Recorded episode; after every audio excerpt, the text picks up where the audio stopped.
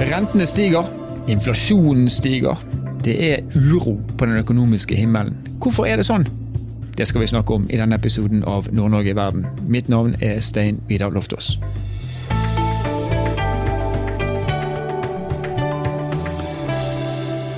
Senere i denne sendingen så får vi besøk av Linda Tofteng Eliassen, som er privatøkonom i eh, Sparebank1 Nord-Norge. og Hun skal gi oss gode råd om hvordan vi skal håndtere de økte rentene. Men aller først så skal vi prøve å forklare hvordan og hvorfor vi har havnet der vi er nå. For etter mange år med lave renter og lav inflasjon, så har alle piler altså snudd, praktisk talt over natten. Hva er det som har skjedd, og hvor går veien nå? Til å hjelpe oss til å forstå dette, har vi nå fått besøk av Bengt Olsen, som er finansdirektør i Sparebanken Nord-Norge. Velkommen til oss, Bengt. Takk for det. En svær oppgave du har foran deg nå. Nå skal du forklare alle detaljene i det økonomiske bildet. For Faktum er at vi har hatt det trygt og forutsigbart i egentlig i ganske mange år. Lave renter, inflasjon under kontroll, og så bang, så snur det. Kan du forklare hva det er som egentlig har skjedd? Jeg kan i hvert fall prøve. Det er jo bindsterke verk som er skrevet om det her, uten at man nødvendigvis har noe fasit. Men uh, vi kan begynne med finanskrisa i 2008. Da hadde det jo vært en lang oppgangskonjunktur, og det ble investert i diverse tvilsomme verdipapirer. Og som det ofte gjør, så kollapsa dette. Og da gikk sentralbankene tungt inn og satt ned renta og bidro med cash i systemet for å hva vi skal si, redusere effekten av en uunngåelig nedgangskonjunktur. Mm. Og det ble en tøff eh, nedgangskonjunktur allikevel, spesielt i USA. I Norge merka vi ikke så veldig mye til den fordi at vi hadde olja i eh, landet for øvrig, og, og fisken og, og, sjømaten i nord. Men det gjorde en, en god del ting med renta også i Norge, og, og den kom ned til rekordlave nivåer. Så fikk vi en ny smell eh, i 2014-2015 som ofte kalles for oljeprissmellen. Eh, og av forskjellige årsaker da, som, så falt oljeprisen kraftig på verdensmarkedet. Og det traff selvfølgelig også norsk oljenæring, og da spesielt Sør-Vestlandet.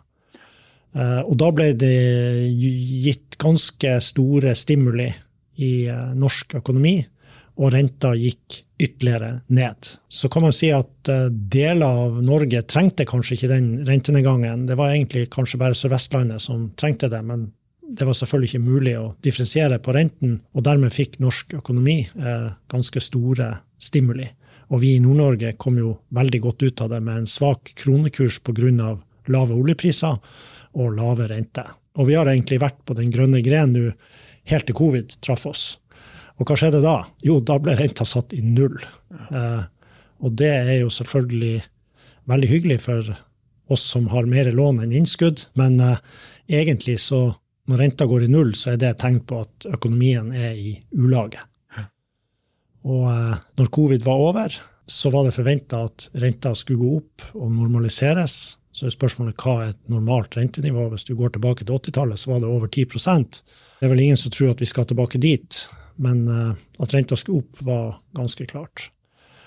Men gjenåpninga etter covid fikk noen uheldige effekter eh, som har bidratt eh, til de økonomiske utfordringene som vi ser nå. Og da spesielt leveranseproblemene i store deler av verden. Drevet av gjentatte nedstenginger i Kina, utfordringer rundt transport pga. at uh, alt skulle gjenåpnes veldig fort, og en enorm etterspørsel uh, fra egentlig hele verden fordi at sentralbankene hadde pøsa likviditet inn i markedet. Renta var null. Folk hadde egentlig, og bedrifter hadde egentlig nok penger når covid var over. Og nå har man hatt et ønske om å bruke disse pengene, og da øker etterspørselen, samtidig som tilbudet eh, er strøypa pga ja, som sagt, nedstenginger i Kina og, og transportutfordringer. Og da rykker prisene oppover? Helt naturlig, pris og etterspørsel henger sammen, og når etterspørselen går opp, og tilbudet er likt, eller i enkelte sammenhenger faktisk lavere, så stiger prisen. Og det er jo fordi at noen tenker at OK, jeg trenger dette, jeg er villig til å betale mer enn eh, nestemann. Og det eneste som skjer da, er jo at man overbyr hverandre. Så lenge tilbudet ikke øker, så går prisene opp. Og når prisene går opp, så går inntjeninga til bedriftene opp. Og de får selvfølgelig behov for mer folk, etterspør mer folk. Det er mangel på folk i alle bransjer i si, stort sett hele verden. Hva skjer da? Jo, da går lønninga opp. Og da er vi i gang med en klassisk lønns- og prisspiral. Ja. Og når, når, prisene går opp, så vil de aller fleste også kreve høyere lønnsoppgjør for å klare å holde tritt med dette. Men det, det høres jo helt sånn selvpåført ut, dette. Ja, det er jo på en måte det. Og hvis du går til økonomisk teori, så er det jo vel kjent at når den såkalte pengemengden øker, så vil det uvergelig føre til inflasjon frem i tid. Så er det bare et spørsmål om hvor hardt det slår, og hvor lang tid det tar før det slår inn. Og så er det jo litt bemerkelsesverdig nå i covid-tida at sentralbankene ikke helt på å si, innså at den enorme tilførselen av likviditet som har vært i markedet, både gjennom lav rente, men også gjennom uh, det som kalles for kvantitative lettelser, som rett og slett betyr at sentralbankene kjøper verdipapirer som bedrifter og banker og finansinstitusjoner utsteder, mm.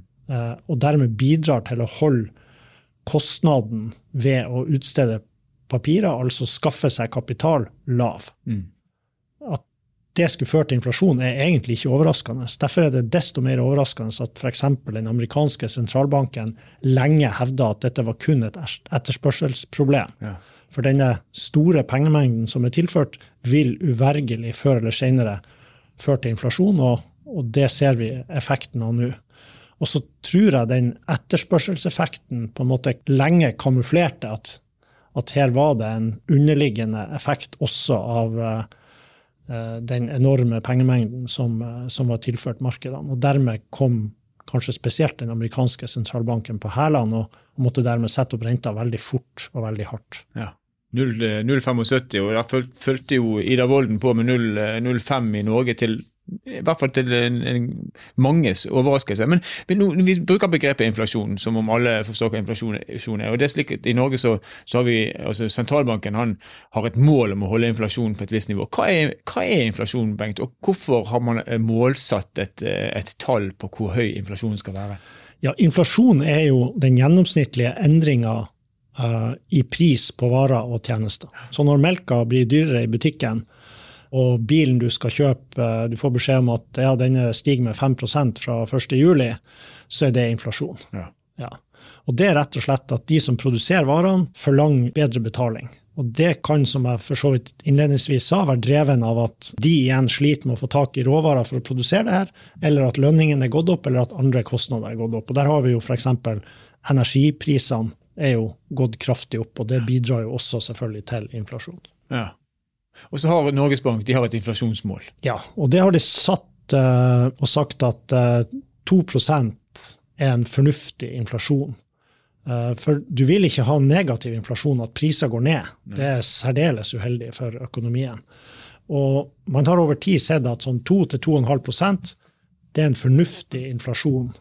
Det viktige er egentlig at den er forutsigbar at du vet hva du har å forholde deg til, at den ikke svinger kraftig opp og ned, for da blir det vanskelig for bedriftene å tilpasse seg. Da stopper investeringen opp, og, og økonomien eh, går rett og slett dårligere.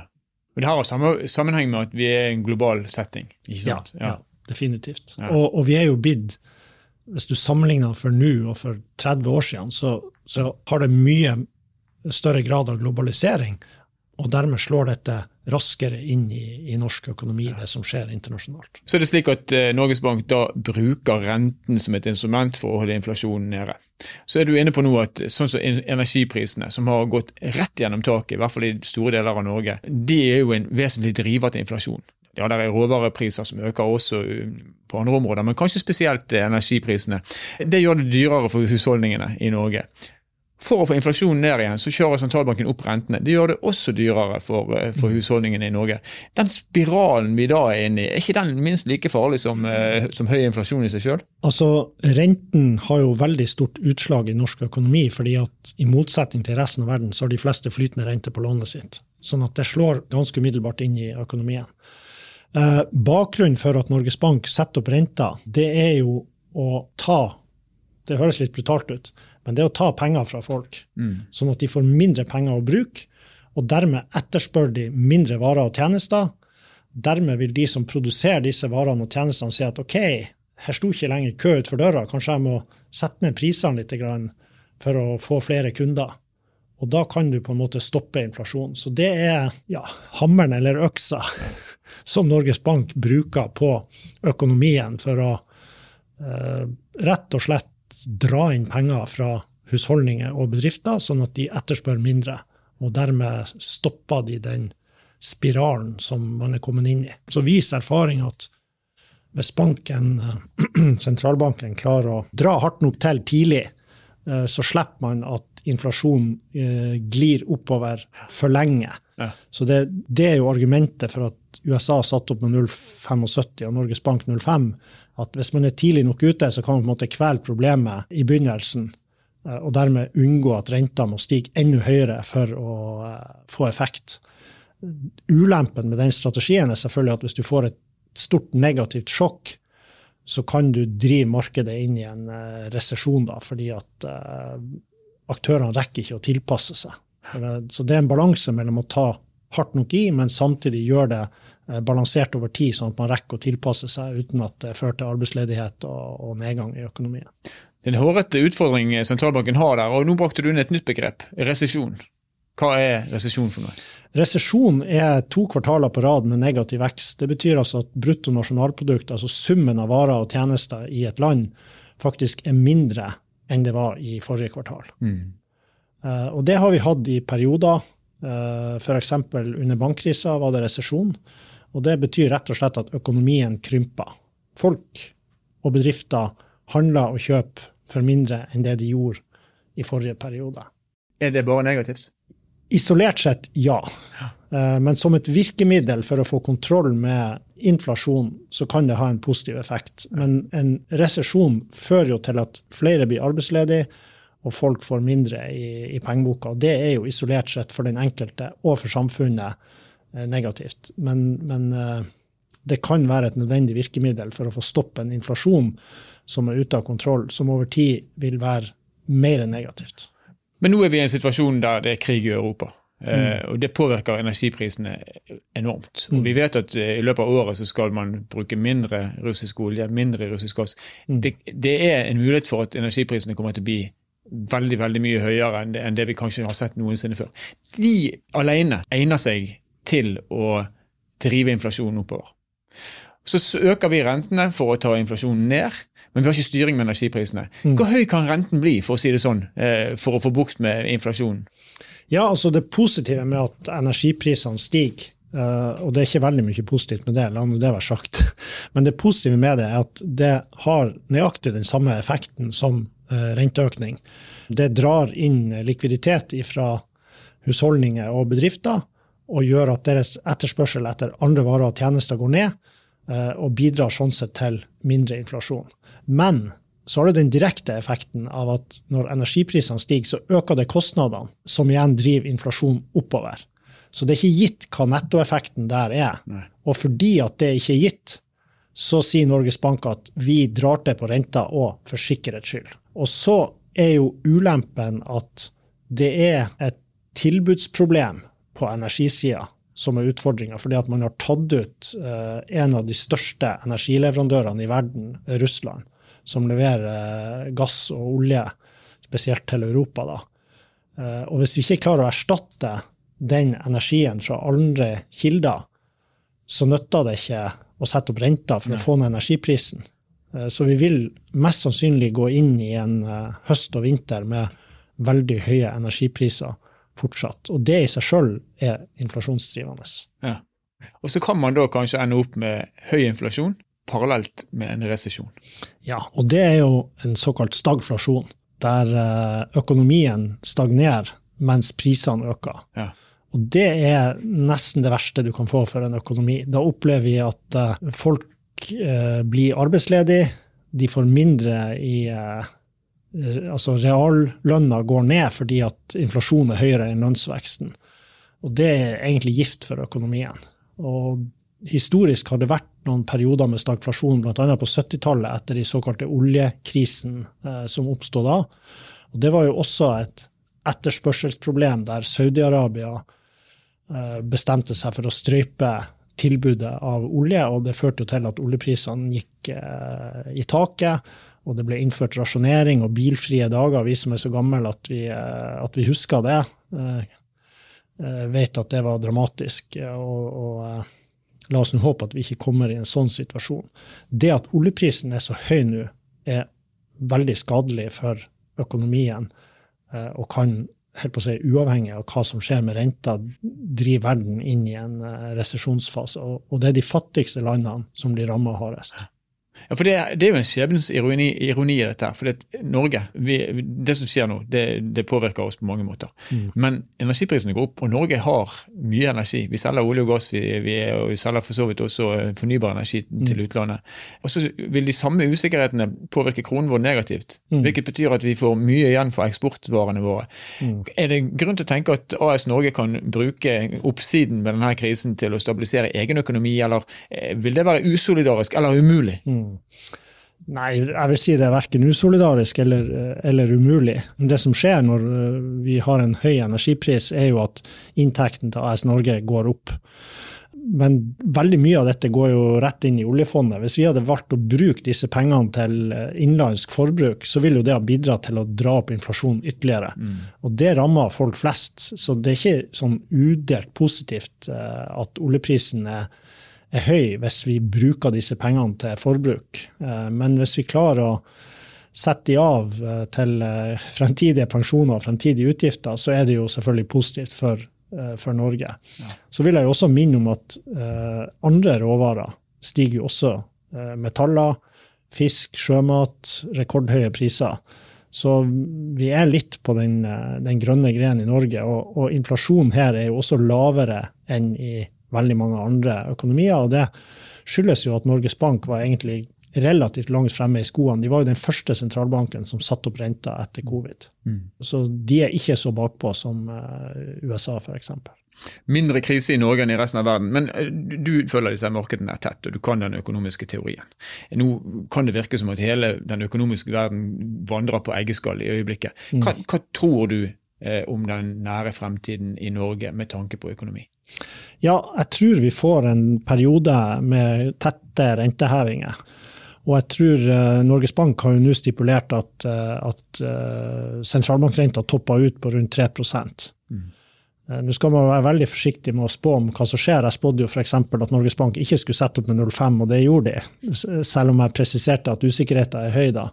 Og det må jeg gjøre nå også. men jeg tror ikke at vi ender opp med ei sentralbankrente på 3% for jeg tror at den sjokkterapien som verdensøkonomien nå utsettes for, vil bite. Eh, og når det biter, så vil sentralbankene på et eller annet tidspunkt eh, innse at nå har vi satt renta nok opp, nå har vi fått eh, kontroll med inflasjon. Så er selvfølgelig den store usikkerhetsmomentet er jo nettopp energiprisene og effekten av krigen i Ukraina hva har det å si for verdensøkonomien? Men min spådom er at, at vi, vi, får en fase med renteoppgang som nok vil vare et stykke ut i 2023. og at forhåpentligvis har vi på det tidspunktet fått rimelig kontroll med inflasjon. og jeg tror ikke vi får noen sånn raske rentenedganger, men at vi kanskje kan se en stabilisering i, i økonomien utover i 2024. Men, men det her er ingen eksakt vitenskap, det er i beste fall kvalifisert gjetning. Ja, og du er litt optimistisk? Ja, det er men det skal man jo være. Det skal man være. Og, vi, om ikke vi er optimister i Norge, så er det i hvert fall vanskelig å se hvem som skal være optimister. Ja, ja. Tusen takk eh, for både voksenopplæring og mer til, og litt spådommer på, på, tampen. Det er ikke, Noe mer kan vi overhodet ikke forlange. Tusen takk for at du kunne være med oss, Bengt Olsen, CFO i Sparebank1 Nord-Norge. Takk, takk.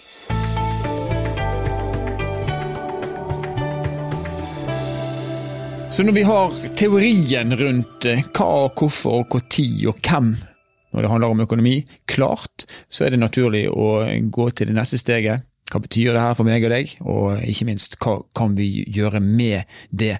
Og det skal vi få gode råd eh, på akkurat nå, for nå har vi med oss Linda Tofteng Eliassen, som er privatøkonom i Sparebank1 Nord-Norge. Hun er til og med her i studio. Velkommen til oss, Linda. Takk skal du ha. Du, dobbelt rente opp nå, mm. sist torsdag. Og det snakkes om eh, mange nye håp de nærmeste årene.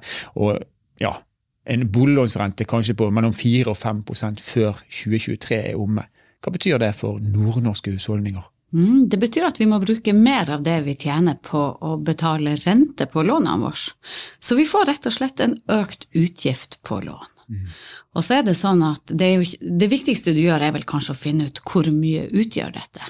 Ikke la det være en hemmelighet. Jeg registrerer at veldig mange går rundt og er nervøse, noen sier de sover dårlig, og mye av de konsekvensene som jeg ser folk ute i media i hvert fall snakke om, er kjempestor. Og da tenker jeg det at det kan hende at noen tenker at denne utgiften er større enn den faktisk er, og da må man kanskje logge seg på. De fleste banker har jo en sånn utlånskalkulator hvor du faktisk kan få svart på hvitt litt hva har dette å si for meg? Mm. Og hvis jeg f.eks. har et boliglån på fire millioner, så vil denne siste renteøkninga, som du sier er dobbel, det vil si at man ikke bare fikk 0,25, men 0,5, den vil for meg utgjøre netto 800 i måneden. Så da er det det jeg på en måte må se, at jeg har rom for, må jeg gjøre noe, eller går det greit? Men du stykker opp elefanten, det er det du gjør, og det, ja. det er sikkert kjempe, kjempelurt. Mm -hmm. eh, men hvis vi bare tar det tilbake til utgangspunktet, da, for det, altså media hauser opp eh, dette her, mange er urolige, som du sier, eh, og det er jo en grunn til det. Hvordan er gjeldssituasjonen for den gjennomsnittlige husholdningen i Nord-Norge, vet vi det? Ja, det vi vet er vel at vi har verdens høyeste boliggjeld alene. Sånn at eh, det er nok en realitet at folk kjenner på det, og det bør vi jo da. Ja.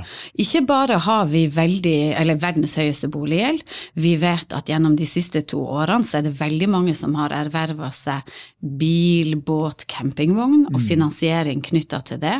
Og, og, det er jo goder som i utgangspunktet har kort nedbetalingstid, sånn at utgiften på et lån er ganske høy.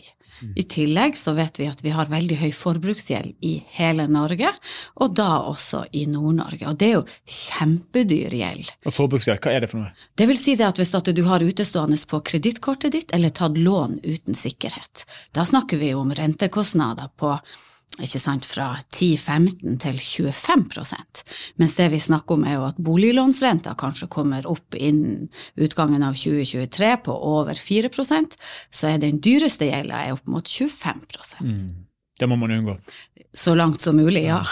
men, men, du sier at vi har verdens høyeste gjeld. Mm. Eh, og man kan jo nesten få et inntrykk av at i, no i Norge og i Nord-Norge der, altså der, kastes det penger etter deg. Men bankene gjør jo et grundig og nitidig arbeid før de gir lån, gjør de ikke det? Jo, helt riktig. Ja.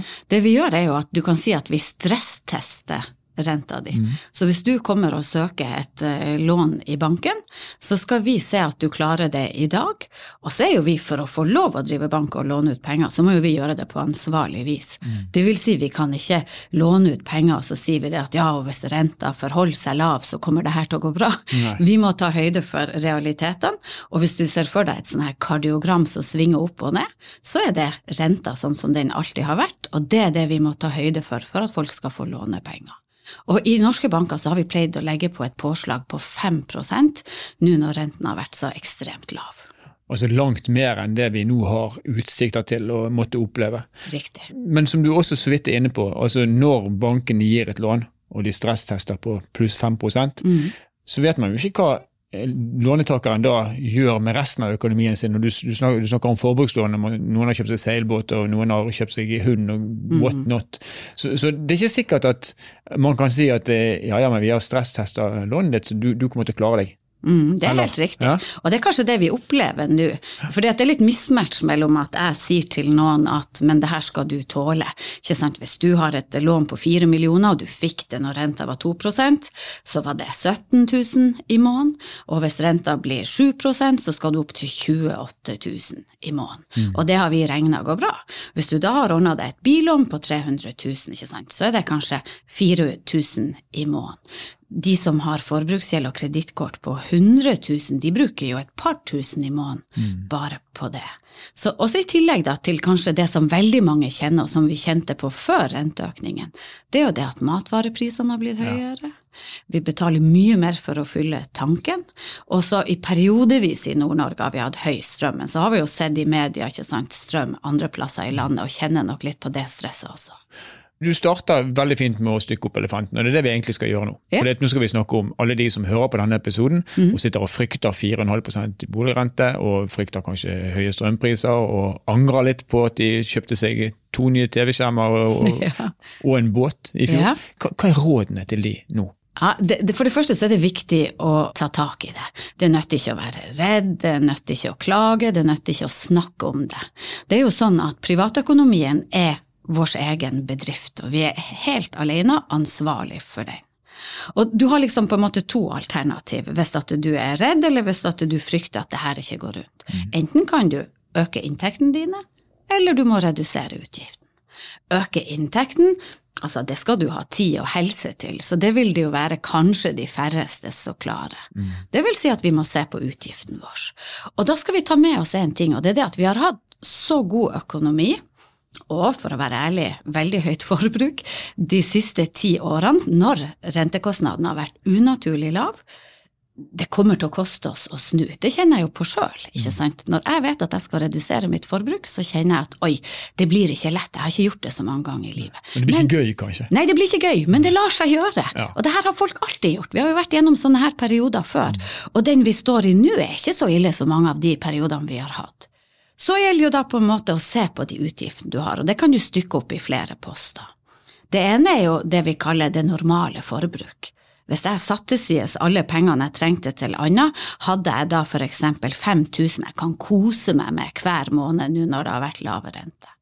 Og så ser jeg det at ok, det blir økte utgifter, har jeg det fortsatt ok hvis jeg reduserer det fra fem til tre, for da kan jeg jo ta pengene fra forbruket mitt, og ikke noe annet. Ja.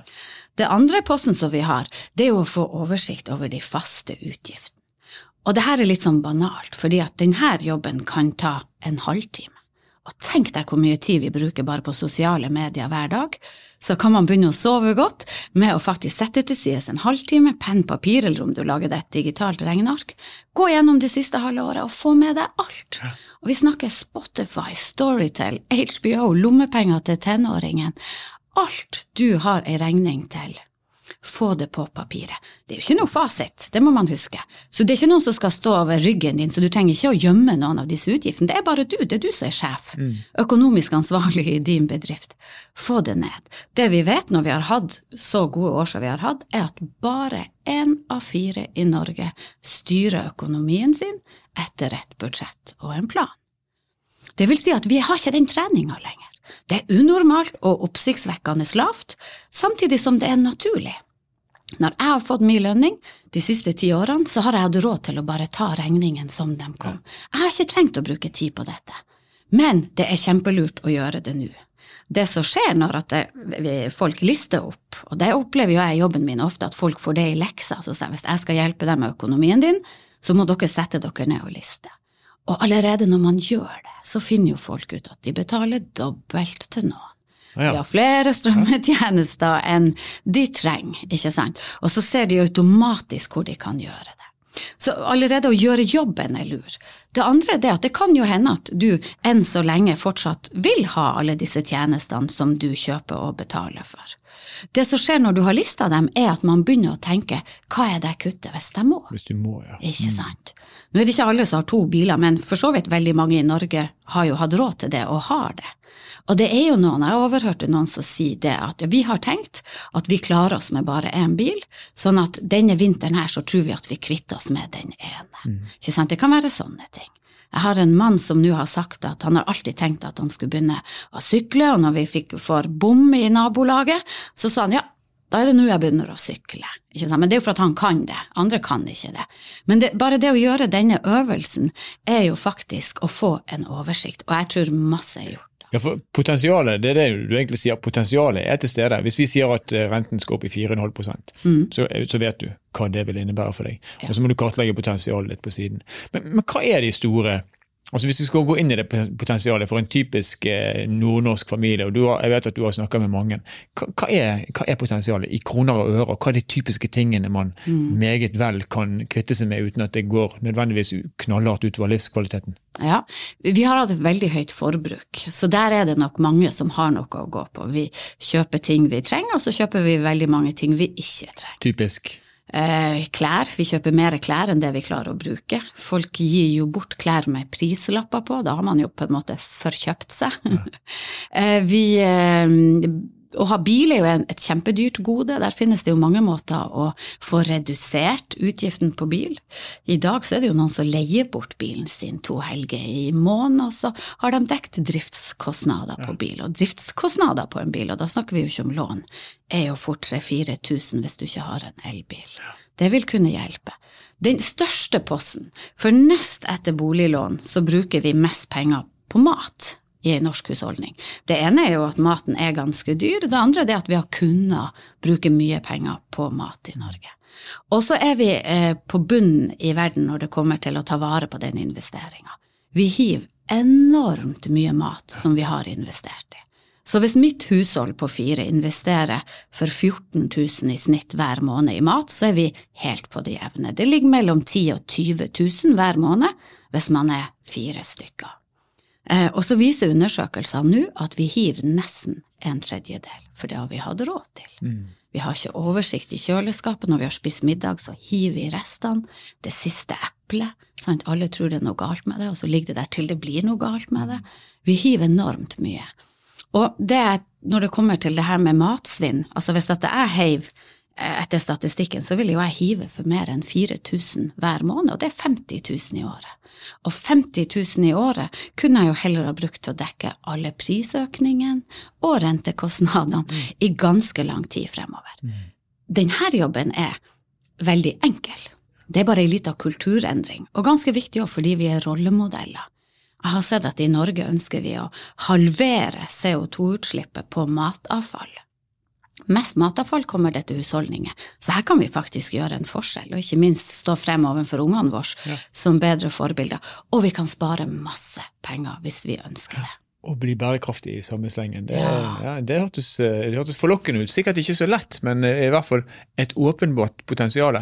Ja. Jeg så på min egen økonomi når jeg forberedte meg til denne samtalen, her, eh, og jeg ser at jeg har ganske, sånn, ganske høye løpende utgifter på abonnement. Mm. Mye høyere enn jeg hadde trodd. Ja, er det, sant? Skiller jeg meg ut ifra normalen, eller? Nei, du gjør ikke det. Nei. Jeg hadde snakka med en kollega som når vi snakka om det her med budsjett, så det, ble det en diskusjon over lunsjen over hva skal med i et budsjett. Og så nevnte jeg de tingene som jeg ofte ser at folk utelater, ikke sant. Og det er typisk de her små abonnementene. Så sier han ja, men de er jo så små. Og så sa jeg men da vil jeg at du tar og summerer dem til meg. Og dagen etter kommer han, da hadde han summert abonnement i husholdet, og det var 2800 hver måned. Ja. Og han var kjempeoverraska. Han var ikke klar over at det var så mye. Så sa jeg, men med normal økonomi så må vi jo være enige om at det her er jo en egen post på budsjettet. Du må jo hensynta det. Ja, sa han, og samme kveld skulle han uansett ta og redusere den posten. Fordi at det er jo noen som sier det at de betaler for en strømmetjeneste, og så når de ser seg tilbake, så har de vært inne én gang denne måneden. Og dersom man reduserer fra 2008 til, ikke til null, men med en tredjedel ja, f.eks., ja. så er det 12 000-13 000 kroner i året bare på det. Helt riktig. Ja. Det er kanskje ikke så, så, vanskelig. Da har vi vært gjennom mat og strømmetjenester. Mm. Og du nevnte bil i sted. Ja. Eh, er det andre typiske store poster der vi vet at det er potensial for å gjøre justeringer? Mm, nevnt, når strømmen er dyr, så kan det jo faktisk bidra ganske mye på din egen strømregning. Ja. Uh, I vinter når vi i Nord-Norge hadde høy, så, så, var jeg oppe og leste meg opp, på strømselskaper deler jo villig med gode tips. Mm. Det ene er jo at man kan investere i en del ting som gir eh, penger spart over tid, typ varmepumpe. Eh, få varme i gulv istedenfor panelovner som går opp og ned og startes. Men så kan du òg gjøre en del grep uten å, å måtte investere. Bare det her med de fleste har varme i yttergang og bad, men har du nattsenking ikke sant, ja. på deg? Det dyreste vi gjør, er varmt vann. Eh, mine, tok min mann i å stå med klokka utenfor dusjen når jeg tok dusj på morgenen, for da er jeg dusjer. og jeg står jo ganske lenge, men det har man jo kunnet gjort. Men når du samtidig vet at strømmen er dyrest mellom klokka sju og ni, så er det jo noe med at man kunne ha tatt, når strømmen er på det dyreste, en kjapp dusj før man legger seg, istedenfor å vente til den er som dyrest. Så du har en mann som både skal begynne å sykle fordi at det blir bompenger, og han tar tiden på deg i dusjen. Er det du eller han som er privatøkonomien i familien? Han er kanskje litt prega. Occupational hazard. Eh, men eh, ja, kan jeg spørre deg om det, da? Du er privatøkonom, og du, du på, på sett og vis lever av å gi, eh, mm. gi råd på dette området. Hvor flink er du sjøl? Oh, litt over middels. Ja. Det er alltid noe som jeg føler at jeg kan være bedre på. Eh, samtidig så tror jeg nok at de fleste som jobber i bank og har kunnskapen som vi trenger, gjør ganske mange greie grep. Så jeg tror jeg er litt flink. Jeg, det jeg har gjort, er jo at når renta har vært lav de siste ti årene, så har jeg faktisk prøvd å ikke øke forbruket. Ja. Jeg har betalt ned på boliglånet som om renta var 5% i alle år, så da har jeg fått redusert det mye. Og så har jeg brukt litt av den rentefordelen også på å øke sparing til pensjon Ja. og til ungene mine. For der hadde jeg jo en plan om at jeg skulle spare liksom 1000 til meg og så 500 per barn. Og når rentekostnadene ble så lave, så kjøpte jeg meg opp, og så har jeg økt sparinga. Ja. Og så har jeg hele tida hatt i bakhodet at hvis renten blir høy, så kan jeg redusere dem, men da har jeg i hvert fall investert den friheten vi har hatt, ganske bra. Ja. Og så kjenner jeg jo at jeg òg har økt forbruket, men det er ganske bekvem med Det betyr ikke at ikke jeg også gjør feil.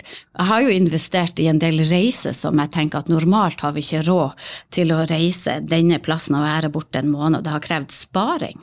Men jeg har tenkt at på grunn av at vi har hatt god økonomi de siste ti årene, så har vi når ungene har vært små, fått realisert noen mål som vi kanskje ellers ikke ville ha fått gjort. Flink, men ikke fanatiker, kan vi kanskje si. Ja, helt klart. Ja. Men, men nå nevnte du sparing eh, Mm. to ganger, og det hadde jeg lyst til å spørre deg om også. fordi at viktigheten av sparing eh, har hatt fokus de siste årene. Mm. Ja. Og Vi vet at vi, vi går imot en pensjonstilværelse. og Jo, jo yngre man er, altså nær sagt, jo mer ansvar man må ta for det sjøl. Mm. Du snakker ofte om viktigheten av å ha bufferkontoer. Eh, Sparingen, er det det som blir det første offeret nå når, eh, når vi kommer inn i en kanskje en ny økonomisk realitet? Ja, og det er litt sånn todelt, for på den ene sida er jeg jo litt redd for det.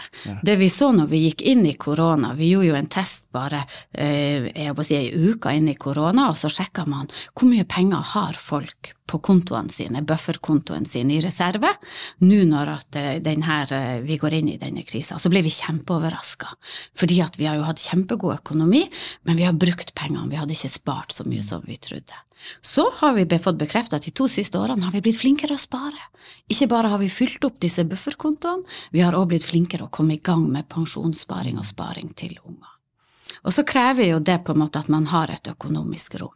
Så hvis at folk nå går rundt og er litt bekymra, så kan det slå ut sånn at folk tenker at sparing er viktigere enn noen gang. Og så er jeg jo redd for, husk vi har folk som har, er kjempepressa økonomisk, uavhengig av rente, ikke sant. En gitt andel av befolkninga lever jo i lavinntektsfamilier.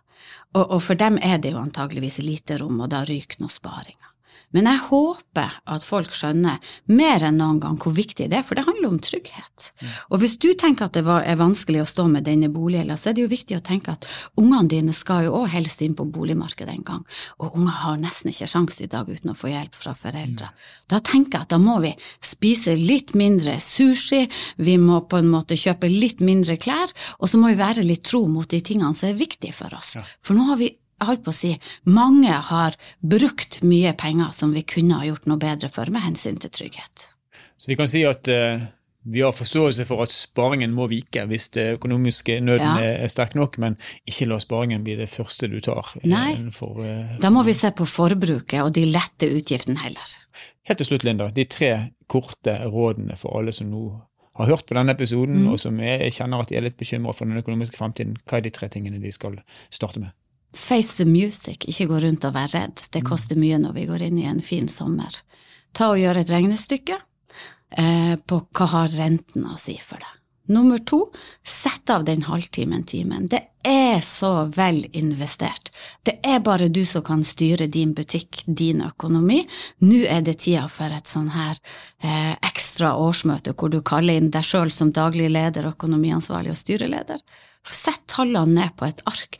Tro meg, rent psykologisk så har du gjort kjempemasse av jobben allerede da. Og tre er på en måte ikke ta for lett på det. Det står for mye på spill. Tenk hvor hardt vi jobber for pengene våre. Eh, vi skal ha det morsomt med dem òg, så jeg kommer aldri til å si at vi ikke skal ha det hyggelig og, og kjøpe noe sushi og andre ting. Eh, men, men du må ha kontroll, og det er bare du som kan ha det.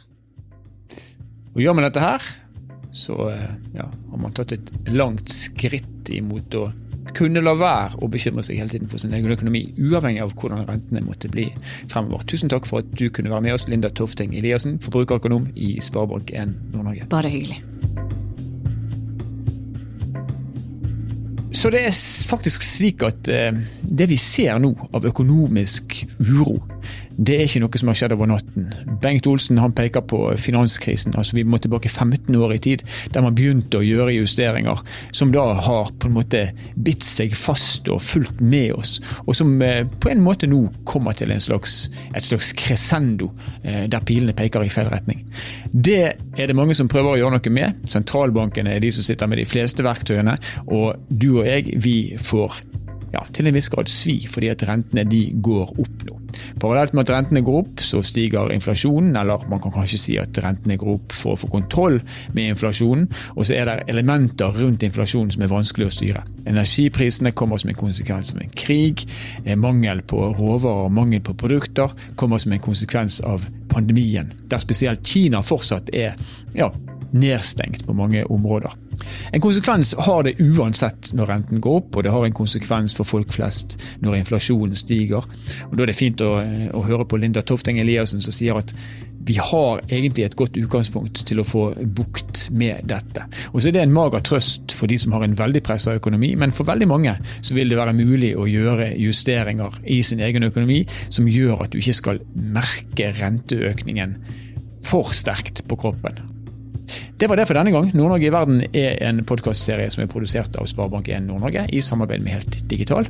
Musikken du har hørt er laget av Emil Karlsen. Mitt navn er Stein Vidar Loftaas. Vi høres igjen i neste episode.